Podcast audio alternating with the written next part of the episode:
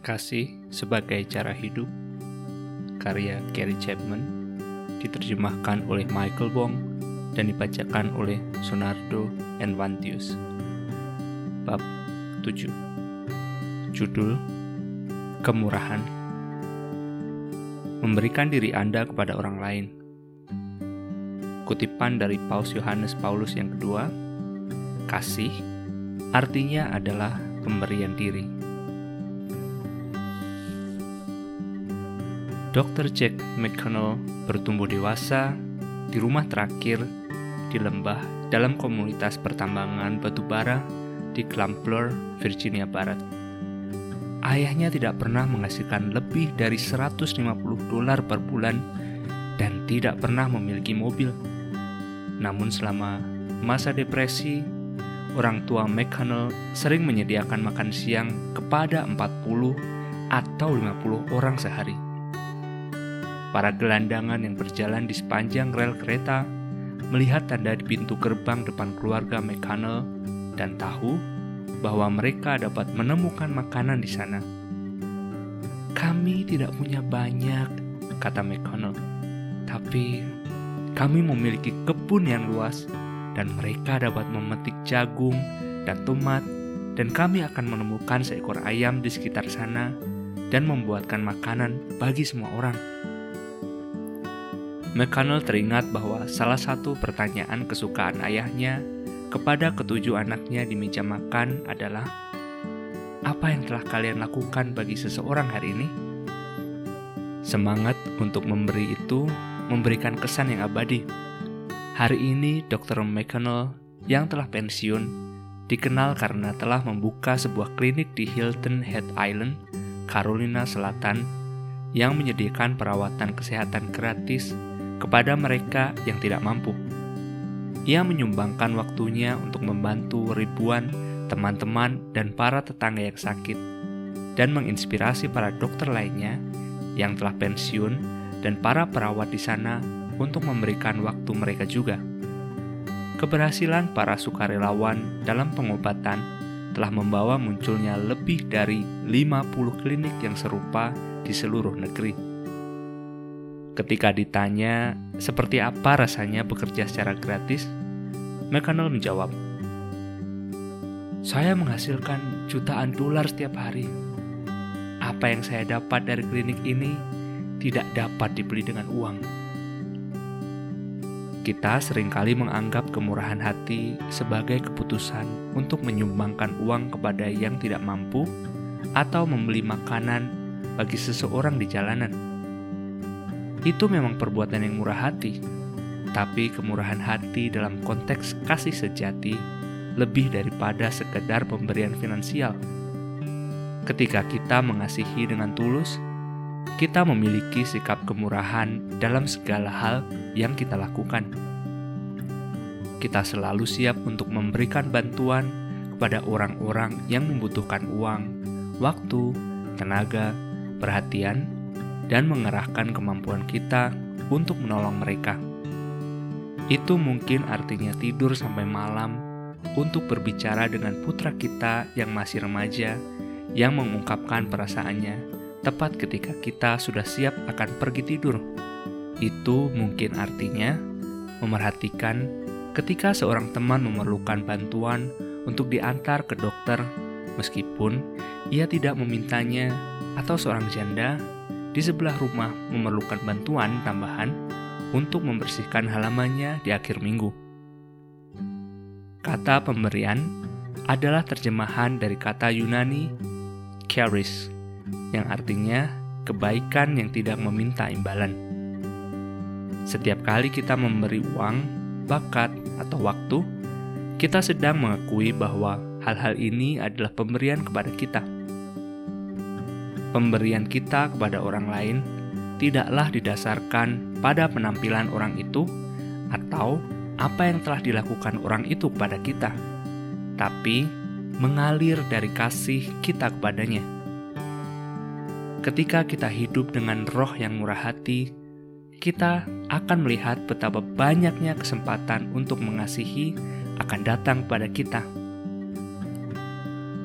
Pemberian diri sendiri Kemurahan hati mungkin diakhiri dengan perbuatan, tapi itu dimulai dengan sikap hati.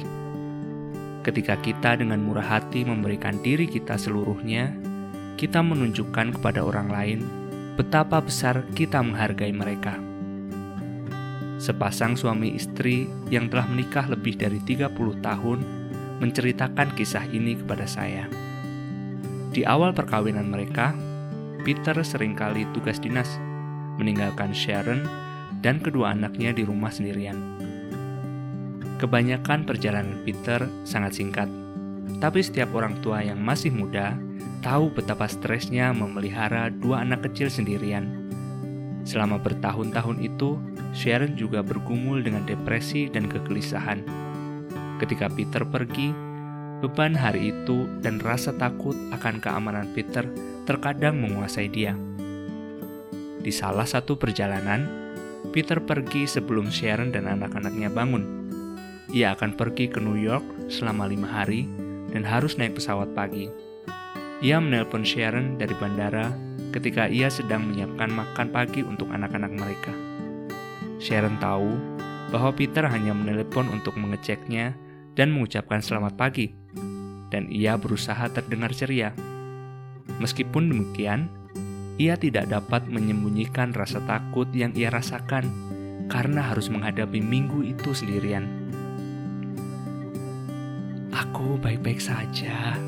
Sungguh, aku baik-baik saja, katanya kepada Peter ketika ia mengekspresikan kekhawatirannya. Itu adalah kata-kata mantranya yang familiar. Ketika ia menutup telepon, ia duduk di kursi dapur yang dipenuhi dengan susu dan sereal, lalu menangis. 30 menit kemudian, ia membantu anak-anaknya berpakaian ketika ia mendengar pintu garasi terangkat. Dengan segera Peter masuk ke rumah. Apa yang kau lakukan? Rapatmu? Kau akan kehilangan pekerjaanmu. Sharon menatap dengan heran ke arah koper di lantai. Kau lebih memerlukanku daripada New York, kata Peter. Aku menelepon bosku dan mengatakan bahwa aku harus cuti beberapa hari. Mereka akan baik-baik saja. Ia berlutut untuk membantu anak-anaknya berpakaian, sementara Sharon keheranan. Sharon menyadari apa yang telah dilakukan suaminya, menyerahkan sesuatu yang penting baginya untuk menunjukkan betapa ia menghargai hubungan mereka. Ketika Peter dan Sharon membawa putri-putri mereka ke taman dan kemudian duduk di sana sebagai pasangan, Peter hanya fokus pada istri dan anak-anaknya. Ia memberikan seluruh dirinya kepada mereka hari itu untuk menunjukkan kepada mereka bahwa ia selalu siap untuk mengasihi mereka dengan melimpah. Kemurahan hati melibatkan lebih dari sekadar harta. Di atas segalanya, kemurahan hati melibatkan empati, belas kasihan, transparansi, dan kemampuan untuk mendengarkan. Khususnya dalam hubungan perkawinan, mudah sekali untuk menyia-nyiakan suami atau istri. Ketika kita murah hati dengan mereka yang kita kasihi, kita memberikan perhatian penuh ketika mereka berbicara kita berjuang sebisa mungkin untuk memenuhi kebutuhan mereka, bukan setengah hati, tapi dengan melimpah. Itu tidak berarti kita harus membatalkan setiap perjalanan bisnis yang harus kita jalani ketika orang yang kita kasihi membutuhkan kita. Tetapi, itu artinya memiliki roh yang murah hati, sehingga kita berjaga-jaga pada saat kita dapat memberikan diri kita lebih lagi untuk menunjukkan kasih. Puluhan tahun kemudian, Sharon mengingat rincian hari itu seolah-olah peristiwa itu baru saja terjadi. Perbuatan murah hati Peter yang melimpah memberitahunya bahwa ia berharga dengan cara yang tidak akan pernah ia lupakan. Pemberian waktu Selama tahun kedua saya di universitas, Suatu hari saya dikejutkan ketika dosen saya, Dr. Harold Gardner, mengundang saya makan siang di hari ulang tahun saya. Tiga hari kemudian, di bulan Januari yang dingin, kami berjalan tiga blok dari kampus ke sebuah restoran. Saya tidak ingat apa yang saya makan dan tidak ingat apa pun tentang percakapan kami. Kecuali ketika ia bertanya kepada saya tentang keluarga saya. Sejak hari itu, saya jauh lebih perhatian dalam kelasnya. Dalam seluruh pendidikan kesarjanaan saya, saya tidak pernah memiliki dosen lain yang mengundang saya untuk makan siang Sampai hari ini, saya memiliki tempat yang khusus bagi Harold Kerner karena ia memberikan saya pemberian waktu. Dalam kebudayaan dewasa ini, waktu adalah salah satu hal terpenting yang dapat kita berikan kepada seseorang. Memberi waktu kepada seseorang artinya memberikan dia bagian dari hidup Anda. Satu jam yang diinvestasikan untuk mendengarkan seorang anak berbicara tentang hari pertama sekolahnya adalah satu jam yang mungkin dapat dihabiskan dengan bermain golf, membersihkan rumah, atau menjawab email Anda. Anak itu mungkin tidak pernah tahu pengorbanan Anda, tapi waktu yang Anda berikan adalah ekspresi kasih yang luar biasa. Ingin mengenal Anda untuk mengasihi orang-orang, artinya bersedia memberi waktu Anda untuk mengenal mereka penulis James Volbracht menceritakan kisah tentang seorang nenek, Ruth, yang tinggal di sebuah lingkungan yang penuh anggota geng. Ia pergi keluar setiap hari, meskipun ada larangan dari teman-temannya yang khawatir jika dia dirampok. Tapi Ruth memiliki strategi yang unik. Ia tidak menghindari anak-anak tersebut. Ia berhubungan dengan mereka ia mendekati mereka, menanyakan nama mereka, menceritakan kepada mereka kisah-kisah tentang lingkungan itu dan tentang orang tua, kakek nenek, bibi, dan paman mereka.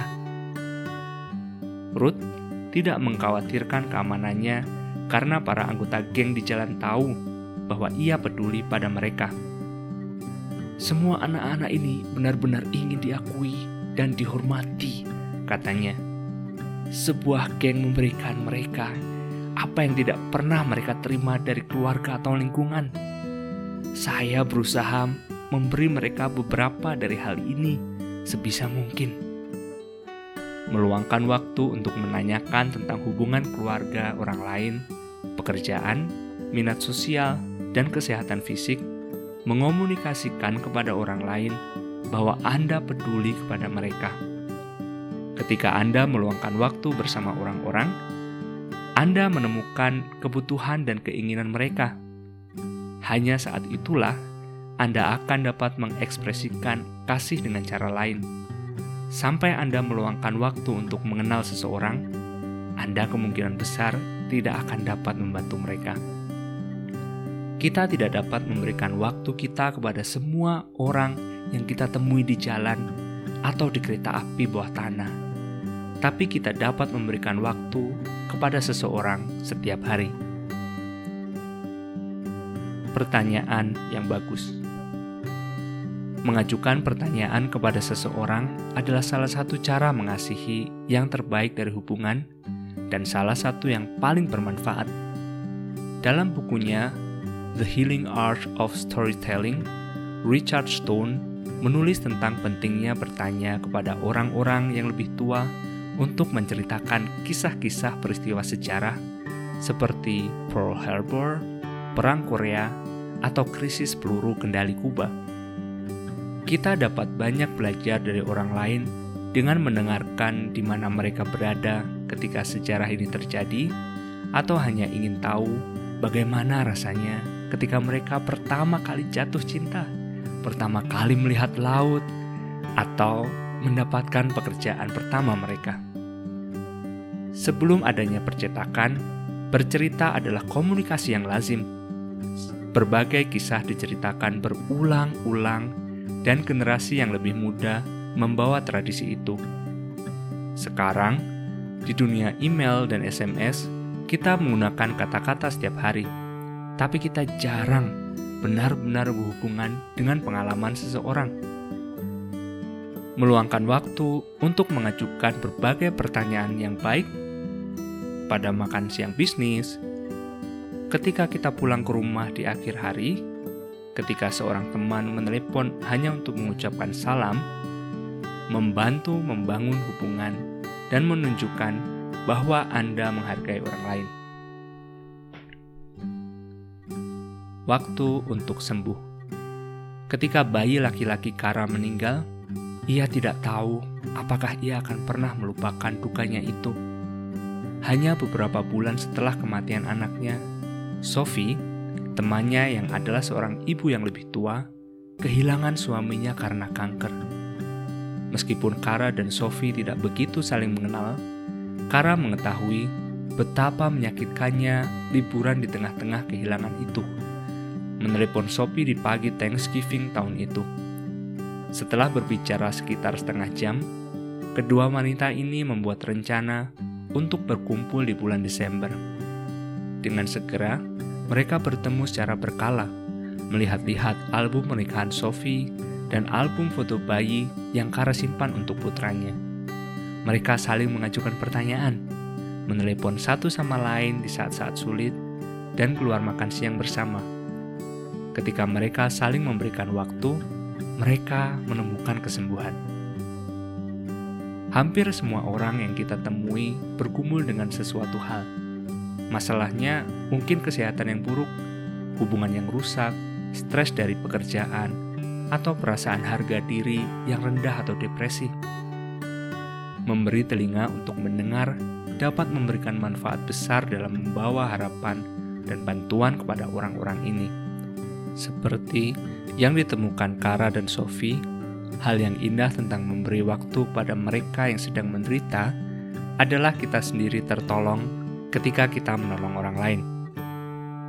Waktu keluarga Selama bertahun-tahun saya telah mendengar banyak suami istri di ruangan saya mengatakan dengan berbagai cara apa yang seorang istri katakan kepada saya baru-baru ini saya merasa sepertinya tidak penting bagi suami saya.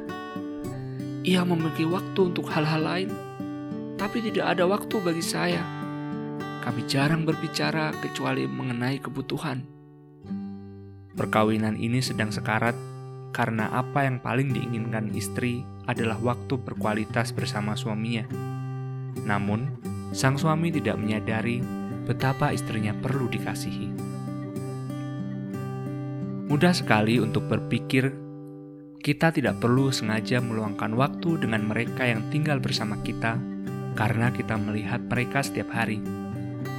Tapi, bersikap murah hati dalam memberikan waktu kepada keluarga kita adalah sebuah langkah penting dalam memberi dengan baik. Anak-anak rindu menerima ekspresi kasih ini. Seorang pemuda berkata kepada saya baru-baru ini, Orang tua saya terlalu sibuk untuk memiliki anak-anak. Saya tidak tahu mengapa mereka melahirkan kami. Saya diingatkan oleh lagu Harry Chapin yang berjudul Cats in the Cradle tentang seorang anak yang menginginkan waktu dengan ayahnya. Ketika ayahnya terburu-buru mengejar pesawat dan membayar tagihan, anaknya bertanya kapan ia akan pulang. Ayahnya berkata, ia tidak yakin. Tapi kita akan bersama-sama nanti. Kau tahu, kita akan memiliki waktu-waktu yang menyenangkan bersama nanti. Nanti itu tidak pernah datang setelah anak itu dewasa dan menjadi sibuk dengan keluarganya sendiri. Ketika ayahnya menelepon, anak itu menjawab bahwa ia tidak punya waktu mengunjunginya. Ayah itu menyadari bahwa anaknya telah bertumbuh menjadi seperti dia.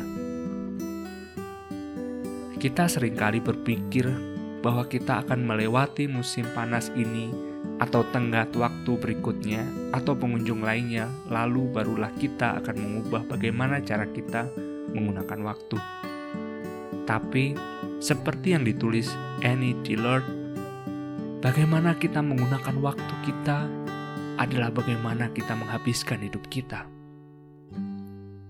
Pilihan yang kita buat hari ini tentang berinvestasi ke dalam hubungan terdekat kita mungkin mencerminkan pilihan yang akan kita buat sepanjang hidup kita jika kita tidak mengubah sikap kita. Tak seorang pun dari kita yang akan pernah mengasihi keluarga kita dengan sempurna. Ketika kita mengembangkan roh yang murah hati, kita menjadi lebih sadar untuk menginvestasikan waktu ke dalam hal-hal terpenting di mana mungkin itu bukanlah hal yang tampaknya mendesak. Pengorbanan waktu. Anda mungkin berpikir, ini kedengarannya bagus, tapi saya tidak dapat menambah apa pun lagi ke dalam hidup saya sekarang ini. Saya akan senang meluangkan lebih banyak waktu untuk orang-orang, tapi saya juga perlu bekerja dan mengurus rumah tangga saya. Jika Anda mengira bahwa Anda tidak dapat melakukan segalanya, Anda benar. Anda tidak akan dapat menemukan keseimbangan rumit itu antara teman-teman, keluarga, pekerjaan, dan istirahat karena hubungan dan kehidupan tidak terjadi dengan rapi seperti itu. Kemurahan hati sejati membutuhkan pengorbanan.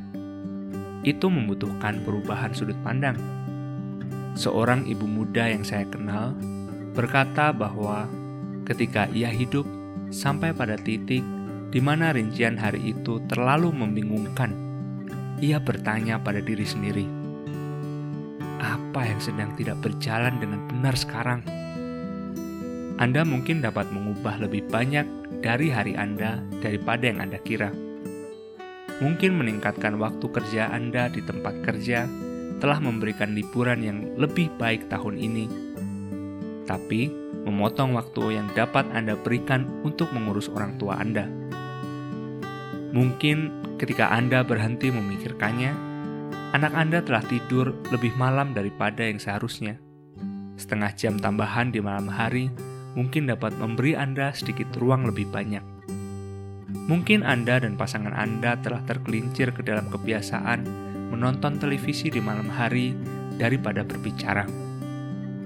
Ketika ahli keuangan JP Morgan ditanya, berapa banyakkah yang namanya cukup memiliki uang? Ia menjawab dengan sindiran, sedikit lebih banyak lagi. Saya berpendapat bahwa banyak dari kita akan mengatakan hal yang sama tentang waktu. Kita tidak akan pernah memiliki semua yang kita inginkan atau yang kita rasa kita perlukan. Setiap waktu dalam tanda kutip ekstra yang kita miliki digunakan dalam tugas-tugas hari itu, kecuali jika kita bertekad untuk menomorsatukan hubungan. Penghasilan dan kemampuan kita mungkin berbeda, tapi kita semua memiliki jumlah waktu yang sama dalam sehari. Kurangi waktu tidur kita maka Anda akan menemukan waktu-waktu yang tersedia untuk memberikan waktu kepada orang-orang. Tentu saja pekerjaan atau pendidikan kita membutuhkan waktu-waktu itu. Tapi bahkan dalam konteks itu, kita memiliki kesempatan untuk memberi orang lain perhatian yang tidak terbagi dan mengekspresikan minat dalam keberadaan mereka. Jika kita memiliki tekad untuk memberi, kita akan mencari kesempatan di mana kita dapat memberi waktu kita. Perubahan radikal. Anda adalah satu-satunya orang yang dapat memutuskan bagaimana Anda akan menginvestasikan waktu Anda. Mungkin saja membaca bab ini dan dengan serius berusaha untuk menerapkan pesannya akan berarti membuat perubahan radikal dalam hal menggunakan waktu Anda saya teringat dengan Robertson McQuilkin, Direktur Universitas Columbia Internasional, yang menyerahkan kepemimpinannya ketika istrinya mulai menderita demensia. Satu-satunya saat ketika ia ada dalam kedamaian adalah ketika Robert berada di rumah. Baginya, itu adalah keputusan sulit. Ia berkata, "Istri saya telah mengurus saya sepenuhnya dan mengorbankan seluruh hidupnya. Jika saya peduli kepadanya, selama 40 tahun selanjutnya, hutang saya akan lunas. Tapi ada alasan yang lain. Saya mencintai Muriel. Selama 13 tahun selanjutnya, ia memberikan waktunya untuk mengurus istrinya. Hanya setelah kematiannya, ia kembali mengejar cita-citanya. Bagi kebanyakan kita, mengubah sikap kita terhadap waktu akan tidak begitu terlalu radikal. Itu mungkin hanya dengan membuat sasaran untuk memiliki percakapan berkualitas dengan paling sedikit satu orang setiap hari. Percakapan itu mungkin singkat atau panjang, tapi lebih dalam daripada membicarakan cuaca dan olahraga. Pemberian waktu adalah ekspresi kasih yang kuat, pemberian yang akan banyak peminatnya. Pemberian kemampuan. Saat itu Jumat malam yang dingin di bulan Januari, saya sedang keluar kota memimpin seminar perkawinan.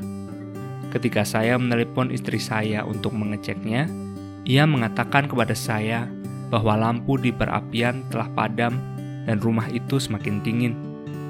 Saya menyarankan agar ia menelepon teman kami Larry yang melihat apakah ia dapat mampir dan menyalakannya.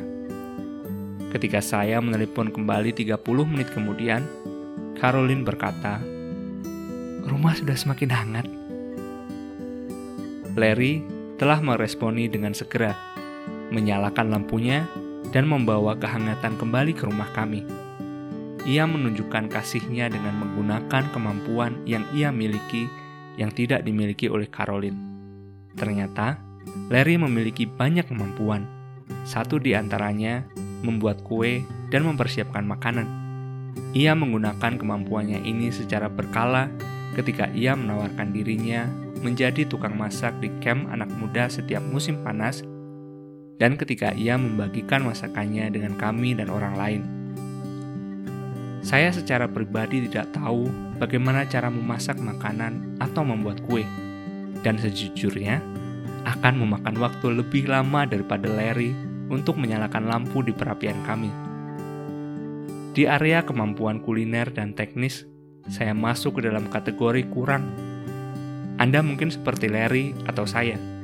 Tapi kabar baiknya adalah kita semua memiliki kemampuan untuk melakukan sesuatu dan kemampuan-kemampuan itu dapat digunakan sebagai ekspresi kasih. Mencari kepuasan. Anna Wenger adalah teman baik saya selama bertahun-tahun. Ia adalah ahli bantu bicara yang pada usia 54 menderita polio dan sejak saat itu ia sulit berjalan. Selama bertahun-tahun ia duduk di rumah dengan pintu yang tidak terkunci, mengundang para orang tua untuk membawa anak-anak mereka yang memerlukan bantuan berbicara.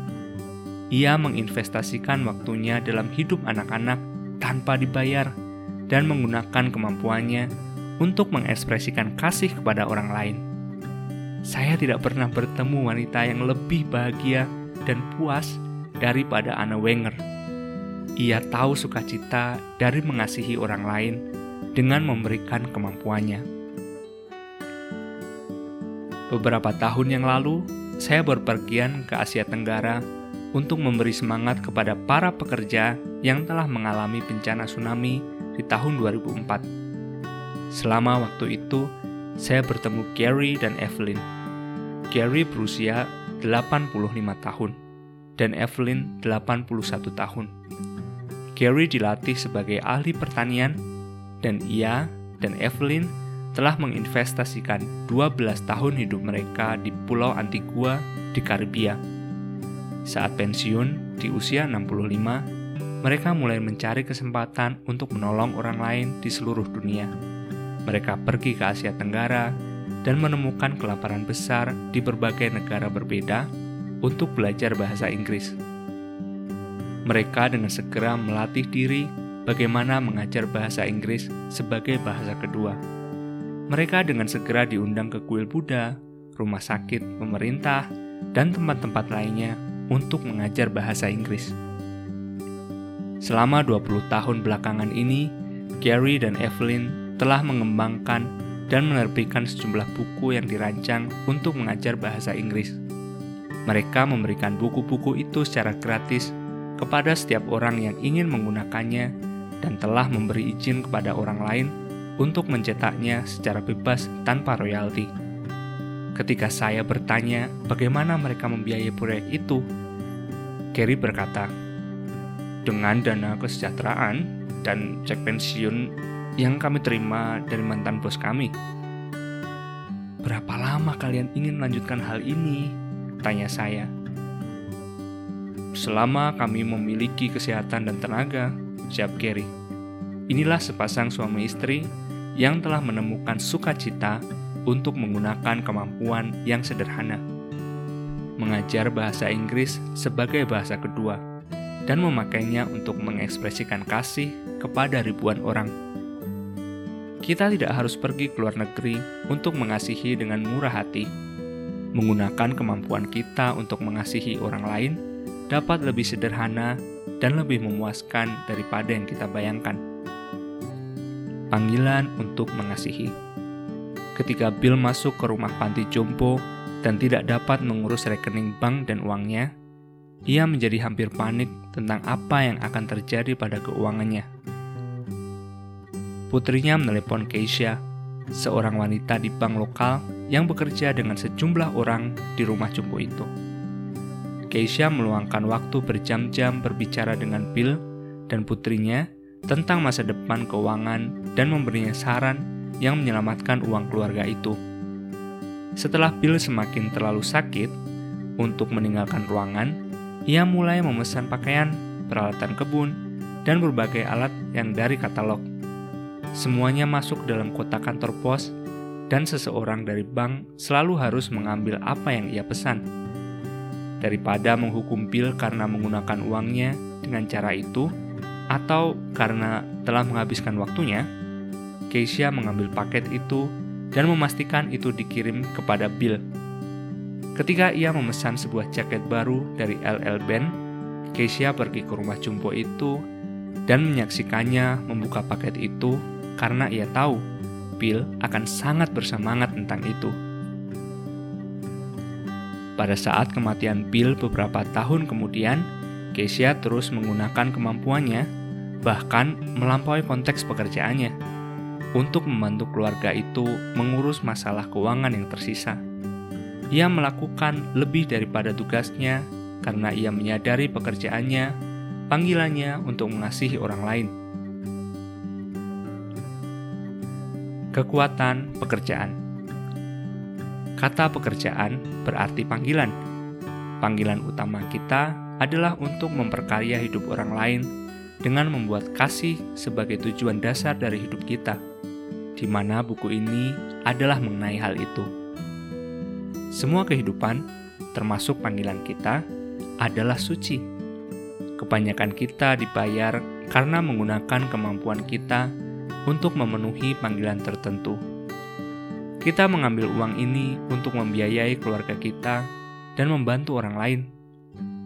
Tapi, pekerjaan itu sendiri adalah ekspresi kasih, karena itu tujuannya memenuhi kebutuhan orang lain.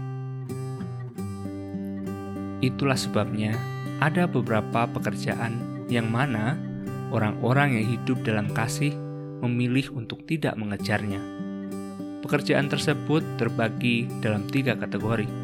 Satu, pekerjaan yang berurusan dengan masalah yang kemungkinan besar akan menyakiti orang lain, seperti berjualan obat-obatan terlarang. Yang kedua, pekerjaan yang tidak memberikan pelayanan bermanfaat kepada masyarakat. Dan yang ketiga, pekerjaan yang meskipun diperbolehkan dalam diri mereka sendiri, mengganggu bagi orang tertentu seperti bekerja sebagai janitor di bar jika Anda adalah seorang alkoholik. Itulah sebabnya beberapa orang telah meninggalkan sebuah pekerjaan dan mengikuti yang lain ketika mereka dewasa dalam kasih.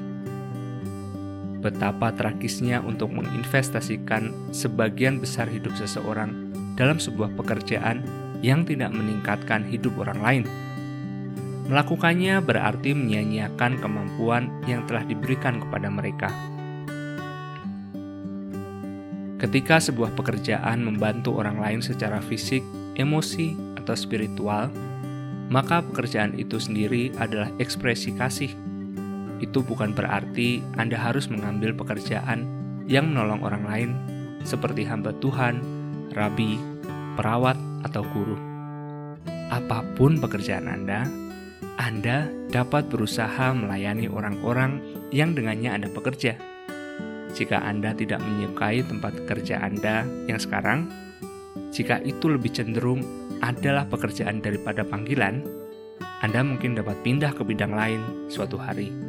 Tapi, untuk sementara waktu, hidup dengan roh yang murah hati terhadap orang lain di sekitar Anda dapat menjadi ekspresi kasih yang berkorban. Panggilan Anda sekarang mungkin adalah keluar dari pekerjaan Anda, atau menjauhinya sepenuhnya untuk memelihara keluarga atau orang tua. Dengan cara ini, Anda sedang mengorbankan beberapa kemampuan Anda untuk menggunakan kemampuan orang lain demi kasih. Mungkin Anda dipanggil untuk mengikuti pasangan Anda ke seluruh negeri sehingga ia dapat mengejar panggilannya. Ini juga adalah kemurahan hati ketika itu dilakukan dalam roh kasih demi hubungan. Melampaui jam 9 sampai jam 5. Kita semua memiliki kesempatan dalam menggunakan kemampuan kita untuk mengasihi orang lain bahkan melampaui keterlibatan pekerjaan kita. Saya mengenal seorang pria yang mengajar di sekolah sebagai sebuah pekerjaan, tapi yang meluangkan waktunya berjam-jam menggunakan kemampuannya untuk membantu anak-anak yang tidak mampu dengan mengajar mereka secara gratis. Saya mengenal sekelompok wanita yang sudah pensiun yang menginvestasikan satu hari seminggu membuat selimut untuk para tunawisma. Saya mengenal seorang istri yang sering tidur sampai larut malam membantu suaminya mengetik disertasinya. Cara yang lazim menggunakan kemampuan kita untuk membantu orang lain ada di dalam rumah kita. Masak, membersihkan rumah, memakaikan popok, memperbaiki komputer, memotong rumput, dan mengganti bola lampu adalah cara-cara kita menggunakan kemampuan kita untuk mengasihi pasangan, anak-anak, teman sekamar, dan orang tua kita. Salah satu alasan mengapa penting untuk melihat keberhargaan diri kita adalah karena ketika kita tahu nilai kita, kita akan siap sedia sampai pada titik di mana kita dapat menggunakan bakat kita bagi orang lain. Jika Anda ingin murah hati dengan kemampuan Anda, anda harus percaya bahwa Anda memainkan peranan penting di dunia ini. Tak seorang pun dapat mengambil posisi Anda. Kemampuan Anda dibutuhkan.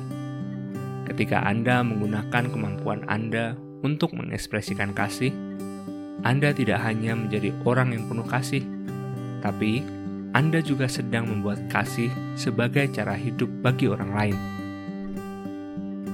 Pemberian uang ketika pendiri Microsoft, Bill Gates, orang terkaya di dunia, membangun yayasan amal pada tahun 1994 dan memberikan sumbangan pertama sebesar 94 juta dolar.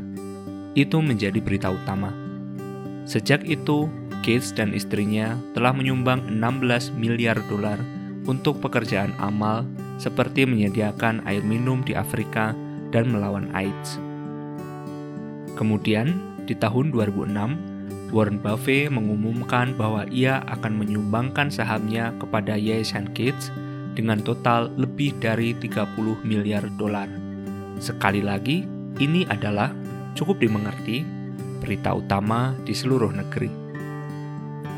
Berlawanan dengan perbuatan ini adalah apa yang dilakukan oleh Albert Lexi, seorang tukang semir sepatu yang cacat di Pittsburgh, Pennsylvania Lexi mengenakan biaya 3 dolar per semir sepatu, hanya menghasilkan kira-kira 1000 dolar per tahun dari pekerjaannya.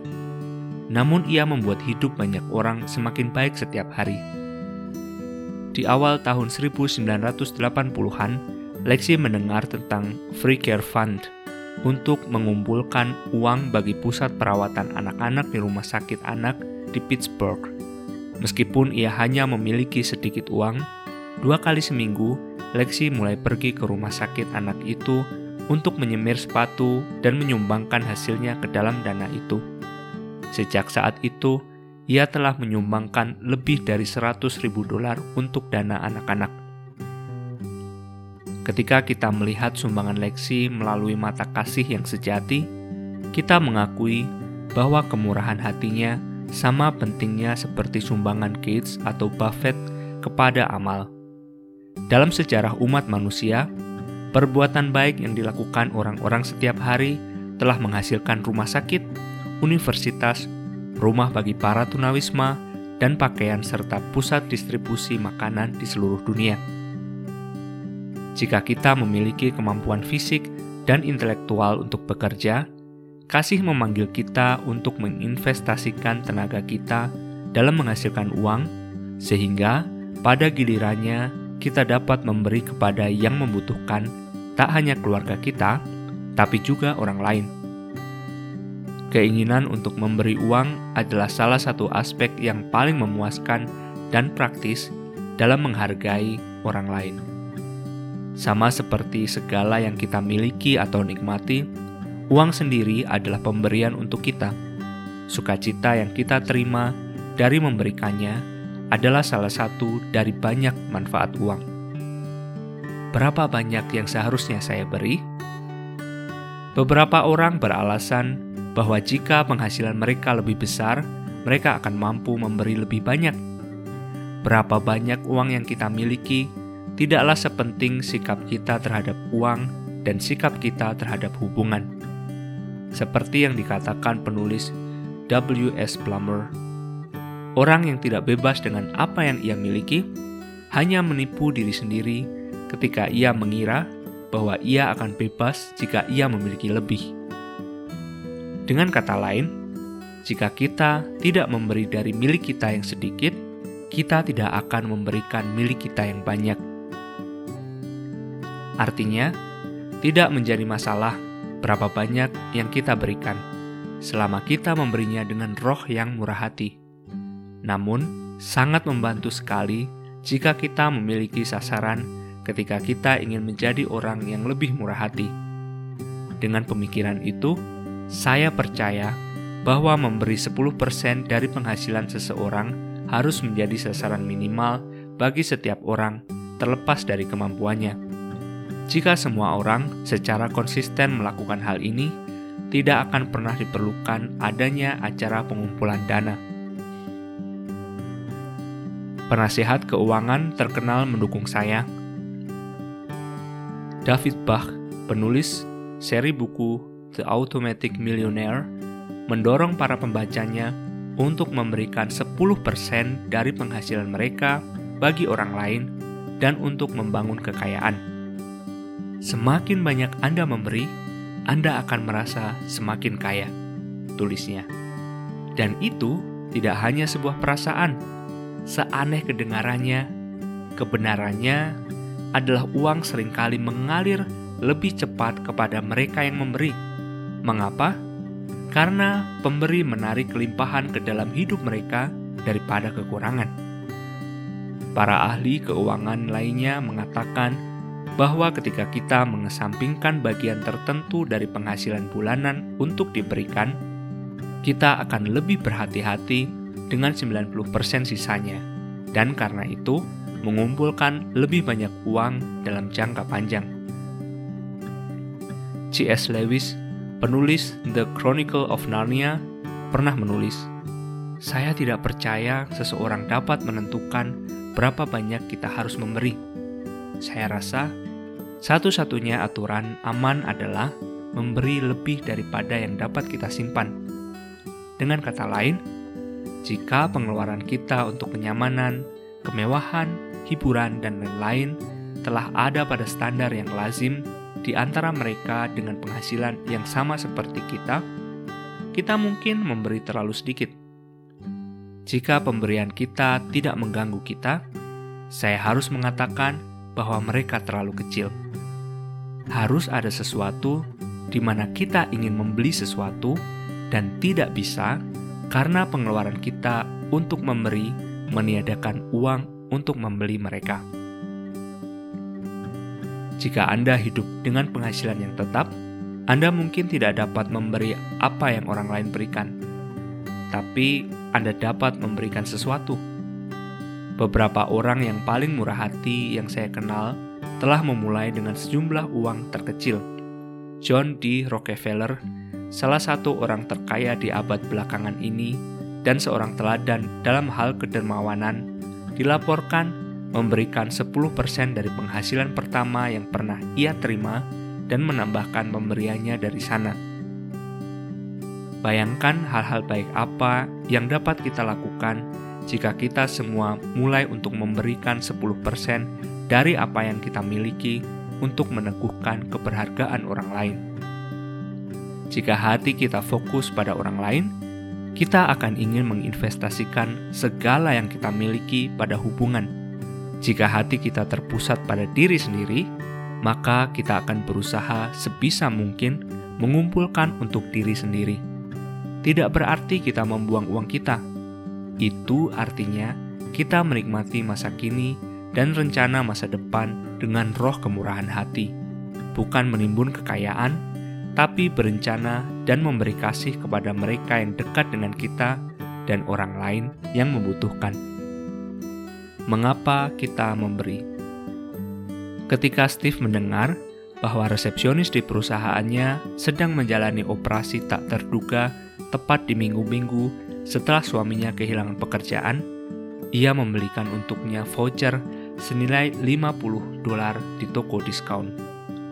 50 dolar tidak akan bisa membayar tagihan rumah sakit, tapi itu dapat membeli keperluan dapur. Lebih penting lagi, itu mengomunikasikan kepada si resepsionis bahwa seseorang memerhatikan dan peduli kepadanya. Ini adalah kemungkinan penggunaan uang yang terbaik, memperkuat hubungan. Jika pemberian kita dilakukan bukan demi persahabatan, tapi untuk menerima pujian dari orang lain, kita bukanlah orang yang benar-benar murah hati, dan kita kehilangan sukacita memberi karena kasih.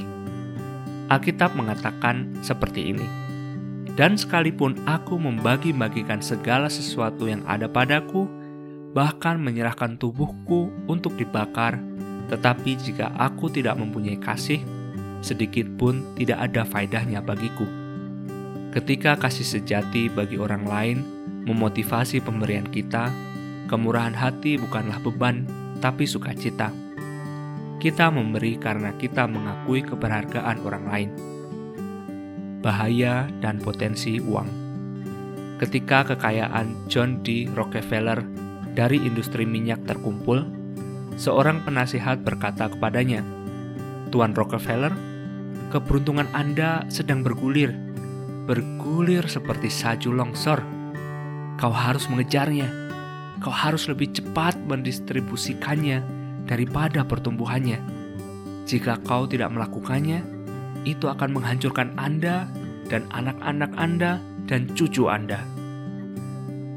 Setiap uang memiliki potensi untuk lebih merusak daripada melakukan hal yang baik dalam hidup kita jika uang itu ada di antara kita dan orang lain dan bukan digunakan untuk membantu hubungan agar bertumbuh. Ketika kita memberi, kita ingat pentingnya orang lain dalam hidup kita. Ketika kita menyimpannya sendiri, kita mungkin memiliki materi yang banyak, tapi roh kita akan menderita.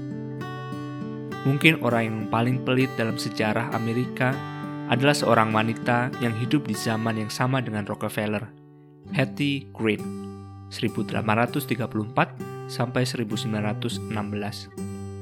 Green mewarisi uang, menikah dengan uang, dan menghasilkan uang melalui investasi. Namun kekikirannya membuatnya melegenda. Untuk menyimpan uang, ia tidak pernah menyalakan pemanas atau menggunakan air panas di rumahnya. Ia memakai satu baju tua yang ia ganti hanya jika sudah rusak. Ketika kaki anaknya Ned patah, ia tidak memberikan perawatan yang ia butuhkan di rumah sakit, menyebabkan anaknya kehilangan kakinya karena sakit. Setelah suaminya meninggal dan anak-anaknya meninggalkan rumah, ia pindah berulang-ulang di antara apartemen kecil di negara bagian berbeda untuk menghindari pajak. Di usia tua, ia menderita hernia dan ia menolak untuk diobati karena operasi akan menghabiskannya 150 dolar. Ketika ia meninggal, nilai hartanya 200 juta dolar. Mungkin membuatnya menjadi wanita terkaya di dunia pada saat itu, namun jiwanya penuh dengan kekikiran. Bayangkan apa yang dapat dilakukan Hetty Green bagi orang-orang yang dekat dengannya dan orang-orang miskin di zamannya dengan semua uang itu. Namun, tetap saja ia menyimpannya untuk dirinya sendiri, mengorbankan damai dan hubungan demi sesuatu yang tidak membuatnya bahagia di bumi dan yang tidak dapat ia bawa ketika ia meninggal. Sifat buruk dari kekikiran menimbun uang bagi diri kita sendiri melebihi dari yang kita butuhkan, akan secara alamiah mengalihkan fokus kita kepada diri sendiri dan memotong kita dari hubungan yang sehat dengan orang lain. Apakah kita memiliki sebanyak John D. Rockefeller dan Hetty Green atau sesedikit tukang semir sepatu? Sikap yang ingin memegang harta akan memperlemah hubungan, sementara sikap memberi akan memperkuat hubungan. Jangan terlalu memegang erat. Dennis telah membeli sebuah mobil baru langsung dari dealer hanya sekali dalam hidupnya. Ia meneliti apa yang ia inginkan dan menambahkan banyak aksesoris di mobilnya. Akhir minggu pertama ia memilikinya, ia pergi mengunjungi neneknya. Sementara ia berada di sana, adik dan anak-anak adiknya mampir dengan sebuah truk bersama sepeda mereka. Segera setelah mereka tiba, Dennis mendengar teriakan, Awas, itu mobil paman Dennis. Kemudian keponakannya masuk dengan mulut menganga seperti yang diceritakan Dennis dan berkata kepada Dennis bahwa ia telah menggores mobil baru itu dengan sepedanya. Tidak apa-apa, aku senang kau memberitahuku, kata Dennis.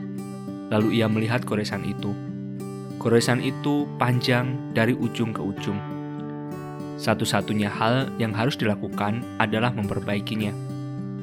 Hanya beberapa minggu kemudian, Denny sedang parkir di halaman rumah temannya ketika istri temannya tiba di rumah dan menabrak pintu samping mobil Dennis, merusak eksterior mobil itu. Kedua peristiwa itu tidak membuat saya kesal, kata Denny sekarang.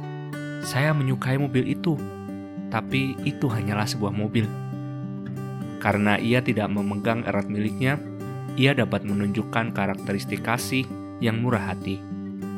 Ia menghargai hubungan lebih daripada apa yang ia miliki, dan ia mengalami kebebasan mengasihi dengan prioritas itu. Penulis Sheldon Van Auken pernah menulis tentang pembelian mobil pertamanya bersama istrinya, Devi. Pasangan itu sangat senang memiliki kendaraan baru, tapi hal pertama yang mereka lakukan ketika mereka pulang adalah memukulnya dengan palu untuk membuatnya penyok. Van Auken menulis bahwa mereka tidak menginginkan apa pun yang akan memisahkan orang yang mengasihi dari orang yang dikasihi.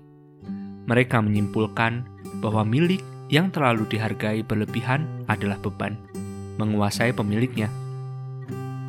Kemurahan hati mengharuskan kita untuk tidak membuat harta menjadi lebih penting daripada seharusnya. Proyek memberi. Banyak orang yang tertantang dengan apa yang saya sebut proyek memberi. Saya teringat dengan pria yang berkata kepada saya, saya terpikat ketika saya mendengar Johnny Erickson Tada yang lumpuh menceritakan proyek kursi rodanya. Ia mengumpulkan kursi roda bekas, memperbaikinya, dan mengirim mereka ke negara miskin. Ia membuat saya tersentuh dan saya ingin menjadi bagian dari hal itu. Saya tidak dapat pergi ke negara lain, tapi saya dapat memberi uang kepada proyek ini. Pria ini menerima sukacita dari keterlibatannya dalam pekerjaan kasih yang dimulai oleh orang lain, lebih daripada yang kita kira kita miliki. Winston Churchill pernah berkata, "Kita menghidupi diri dengan apa yang kita miliki." kita membuat kehidupan dengan apa yang kita berikan. Hanya ketika kita memberi sebagian dari uang dan harta kita, barulah kita akan menyadari betapa banyak yang kita miliki. Ini adalah salah satu dari banyak paradoks menjalani hidup yang penuh kasih sejati. Ketika memberi mengalir dari hati yang bersyukur, kita akan rendah hati dan bukannya sombong dengan pemberian kita. Kita memberi bukan dari rasa kewajiban, tapi dari hati yang penuh kasih.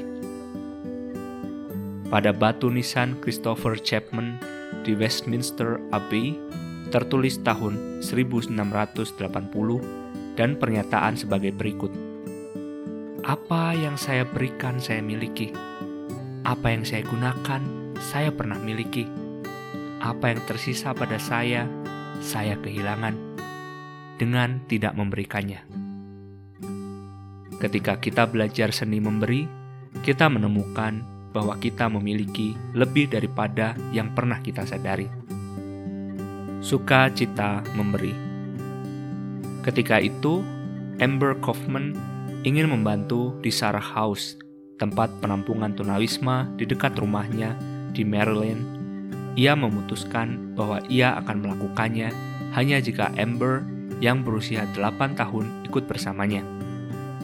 Ketika ibu dan anak itu meluangkan waktunya bersama anak-anak tunawisma dan orang tua mereka setiap minggu, Amber belajar sukacita dan penderitaan dengan mengetahui kisah-kisah orang lain. Keinginan untuk hidup dengan rendah hati bertumbuh dari hubungan yang ia bangun dengan komunitas tunawisma dan tiga tahun kemudian, di tahun 1993, Amber yang berusia 11 tahun memulai Happy Helpers yang merupakan program tunawisma untuk membantu penduduk termiskin Baltimore ia memulainya dengan merekrut anak-anak lain seusianya untuk membuat roti isi keju dan sosis di rumahnya setiap Sabtu pagi dan membagikannya kepada orang-orang tunawisma. Hari ini, Kaufman terus memimpin organisasi yang ia dirikan, yang telah membantu lebih dari 30.000 orang dan menelurkan 49 program serupa di Amerika Serikat dan di luar negeri. Dan setiap minggu, 600 kantong makan siang dibagikan kepada tunawisma di Baltimore, Maryland. Setiap orang adalah sebuah hubungan. Kita tidak bermurah hati karena kita ingin memulai sebuah program yang akan menjadi terkenal di dunia dan membantu ribuan orang. Kita bermurah hati karena kita peduli kepada hubungan. Ibu Amber peduli tentang meneruskan roh kemurahan hati kepada putrinya dan putrinya peduli kepada orang-orang yang ia temui. Ibu Teresa, yang roh kemurahan hatinya telah membawa kesembuhan dan damai pada ribuan orang, pernah menulis, "Saya tidak pernah melihat orang banyak sebagai tanggung jawab saya. Saya melihat mereka sebagai manusia." Ini adalah kata-kata yang baik untuk diingat ketika kita merasa terbebani dengan semua orang Sebagian besar dari mereka ada dalam keluarga kita atau di tempat kerja yang membutuhkan pertolongan. Kita dipanggil untuk menjadi murah hati bukan kepada statistik, tapi kepada orang di hadapan kita. Roh yang murah hati dapat membawa kesembuhan kepada lebih banyak orang daripada yang dapat kita bayangkan. Satu hubungan demi satu hubungan.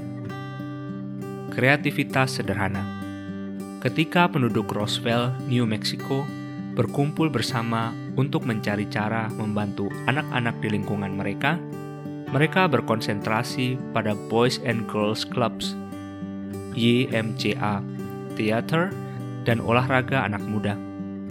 Kemudian, seorang wanita paruh baya mengangkat tangannya dan berkata, "Saya memiliki sehektar kebun di halaman belakang rumah saya." saya selalu memiliki impian bahwa anak-anak dan orang dewasa di lingkungan kita dapat berkebun bersama. Ketika Anda berkebun, sesuatu yang ajaib terjadi. Anda membangun sesuatu bersama yang bertahan selamanya. Ruangan ini menjadi sunyi ketika ia berhenti berbicara. Gagasan itu sangat sederhana dan asli. Itu mungkin dapat berhasil. Carilah cara-cara kreatif untuk memberi waktu, uang, dan kemampuan Anda. Mulailah dengan bertanya, apa yang saya miliki yang orang lain tidak miliki? Mungkin Anda tidak terpanggil untuk mengadopsi seorang anak, tapi Anda memiliki dana untuk membantu pasangan lain mengadopsi anak. Mungkin Anda tidak memiliki dana untuk membantu pasangan lainnya, tapi Anda memiliki kemampuan untuk mengerahkan usaha di internet dalam rangka mengumpulkan uang bagi pasangan itu. Jika Anda memiliki sumber daya tertentu, anggaplah itu sebagai hal-hal yang telah diberikan kepada Anda sehingga Anda dapat membagikannya dengan orang lain. Perubahan pola pikir itu akan membuka banyak kemungkinan bagi kemurahan hati. Kemurahan hati memimpin pada kemurahan hati. Kisah demi kisah menunjukkan kepada kita bagaimana satu perbuatan murah hati dapat memimpin pada partisipasi banyak orang yang tak terhingga pada Agustus tahun 2007, Marcelo Kras yang berusia 26 tahun sedang mengendarai mobil di jalan raya antar negara bagian 35 di Minneapolis ketika mobilnya kehilangan kendali. Ia menghindari dirinya masuk ke dalam sungai Mississippi, yaitu dengan sengaja menabrakkan mobilnya ke tembok. Kras yang lumpuh tidak dapat keluar dari mobil khususnya karena mobilnya miring. Setelah dua orang menariknya keluar, yang lainnya membawanya ke ruang gawat darurat untuk mengobati punggungnya yang terluka. Lawrence Plesko, kepala dari lembaga amal bernama When You Dream a Dream yang berbasis di California, melihat kisah Crush dan menelepon Crush untuk memberitahunya bahwa ia akan datang ke Minnesota minggu itu untuk memberinya mobil baru yang dapat Crush gunakan sampai ia mendapat penggantian mobilnya yang rusak. Lembaga amal Plesko juga ingin menerbangkan Crush dan ibunya ke California, sehingga mereka dapat mengikuti tur Disneyland, bertemu selebriti, dan menikmati saat-saat liburan bersama. Crush ada di kursi roda, karena tujuh tahun yang lalu ia ditembak oleh penyerang tak dikenal dalam perkelahian di jalan. Ia berkata bahwa sekarang ia sangat terpesona dengan kemurahan hati orang lain yang telah mendengar tentang keadaannya. Itu dimulai dengan perbuatan satu orang yang melakukan apa yang dapat ia lakukan untuk membantu dan membawa rantai kebaikan yang dapat mengubah hidup. Dengan cara yang sama, satu perbuatan kemurahan hati yang sederhana dalam rumah Anda atau di tempat kerja dapat membuat orang lain di sekitar Anda meresponi dengan murah hati. Satu orang mendekorasi ruangan seseorang di hari ulang tahunnya dapat membuat orang lain membawa bunga untuk resepsionis. Bahkan sesuatu yang sederhana seperti mengambilkan kopi kesukaan seorang teman dengan jumlah krim yang ia sukai menyumbangkan semangat kemurahan hati dalam persahabatan berkumpul bersama. Berpikir dengan kreatif dapat membawa Anda menemukan cara baru meluangkan waktu dengan teman-teman dan rekan kerja. Keluarga-keluarga seperti Amber Kaufman dan ibunya dapat memperkuat hubungan mereka sendiri ketika mereka membangun hubungan dengan orang lain dengan cara melayani bersama. Demikian juga, suasana di kantor sering kali menjadi akrab melalui menolong orang lain. Ketika istri Justin meninggal dalam kecelakaan mobil, seluruh rekan kerja kantornya membawa mainan, permainan, buku, dan makanan bagi ketiga anaknya yang masih dalam proses penyembuhan akibat kecelakaan itu. Ketika departemen itu fokus di luar diri mereka, mereka mendapati bahwa mereka bekerja lebih baik dalam kesatuan dan menemukan karakteristik positif tentang satu sama lain yang tidak mereka ketahui sebelumnya. Jika Anda ada dalam sebuah keluarga, perkawinan, atau kelompok komunitas yang mengalami banyak ketegangan, pertimbangkan untuk menyumbangkan satu Sabtu pagi untuk membersihkan lapangan atau menyediakan sup bersama-sama. Anda akan terkejut dengan hasilnya. Itu memberikan semangat kepada saya di antara tahun kedua dan ketiganya di Lethorne College di Texas, David mengambil pekerjaan teknik mesin di Wausau, Wisconsin selama musim panas. Hanya beberapa minggu setelah musim panas, ia secara tak terduga kehilangan tempat tinggalnya.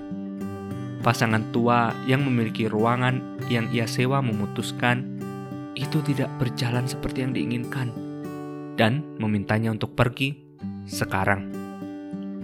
Jadi, David yang sedang berusaha menghasilkan uang untuk mendidikannya mendapatkan pekerjaan musim panas di kota asing. Mobilnya penuh dengan barang-barang dan tidak ada tempat tinggal. Ia pergi ke beberapa kompleks apartemen, tapi bahkan tidak bisa menemukan manajer apartemen yang dapat menunjukkan kamar kepadanya karena itu adalah hari Minggu. Ia menelepon teman-temannya mencari pilihan lain. Akhirnya, seorang teman meneleponnya kembali.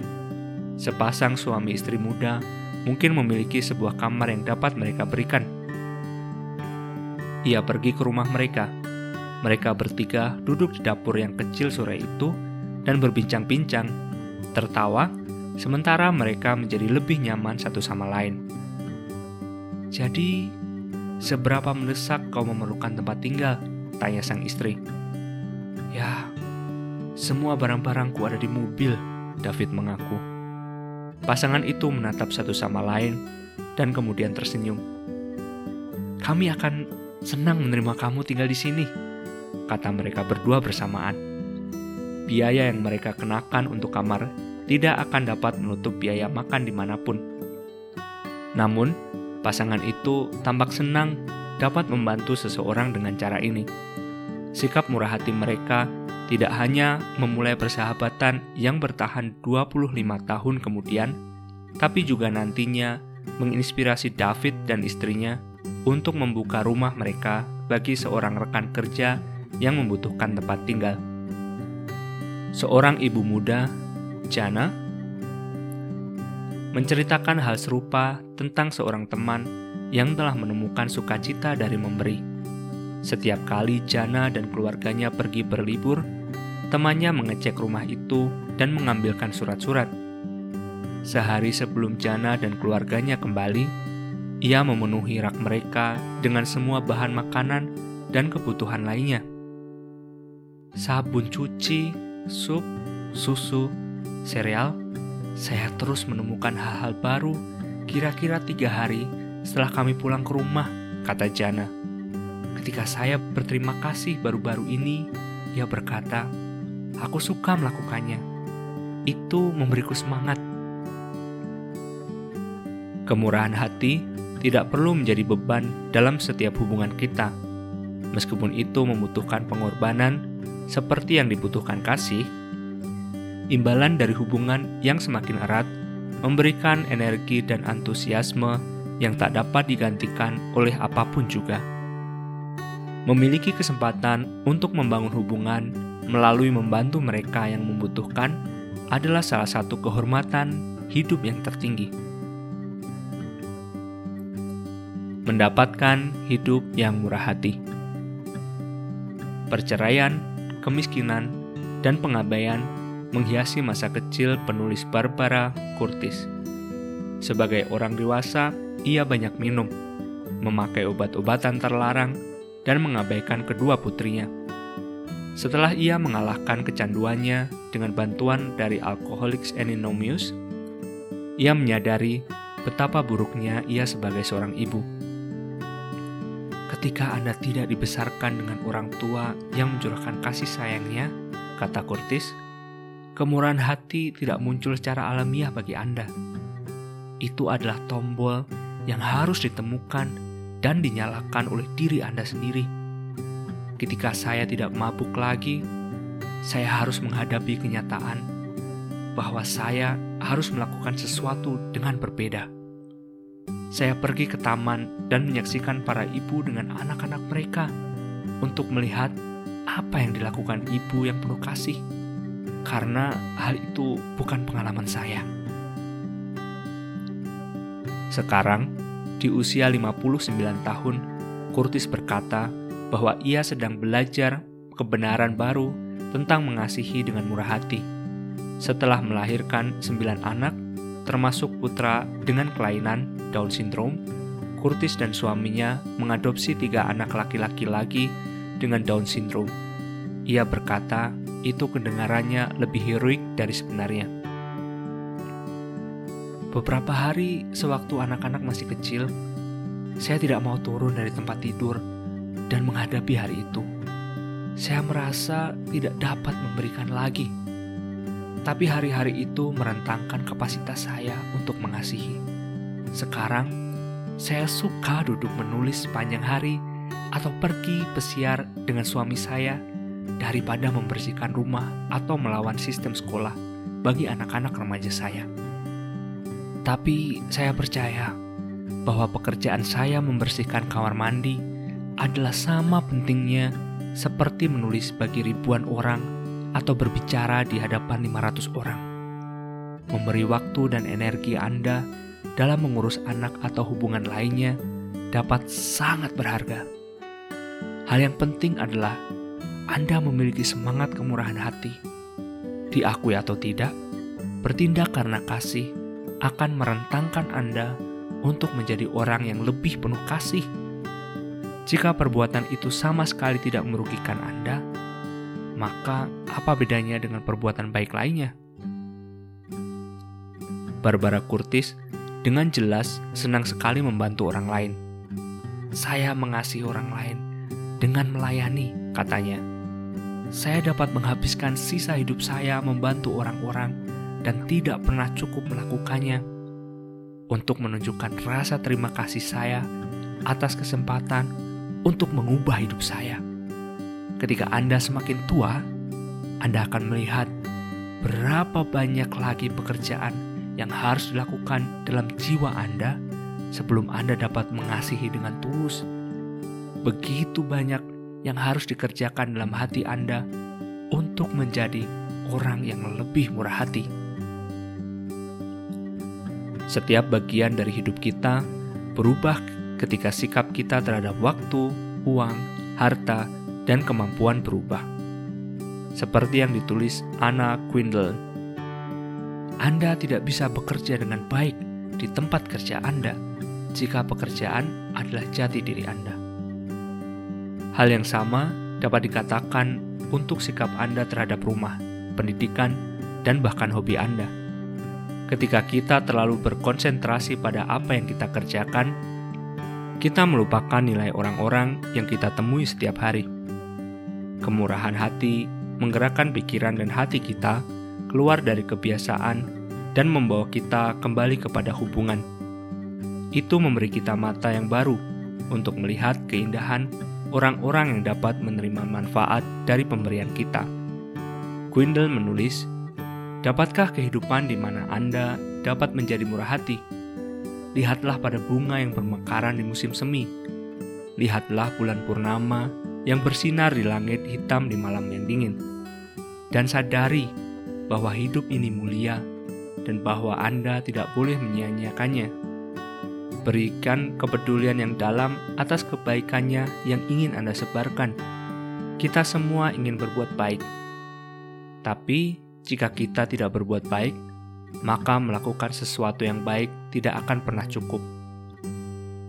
Salah satu pilihan yang paling memuaskan dan memberi sukacita yang dapat kita buat adalah mendapatkan hidup yang penuh dengan kemurahan hati, ucapan terima kasih, dan keindahan dari memberi diri kita demi hubungan.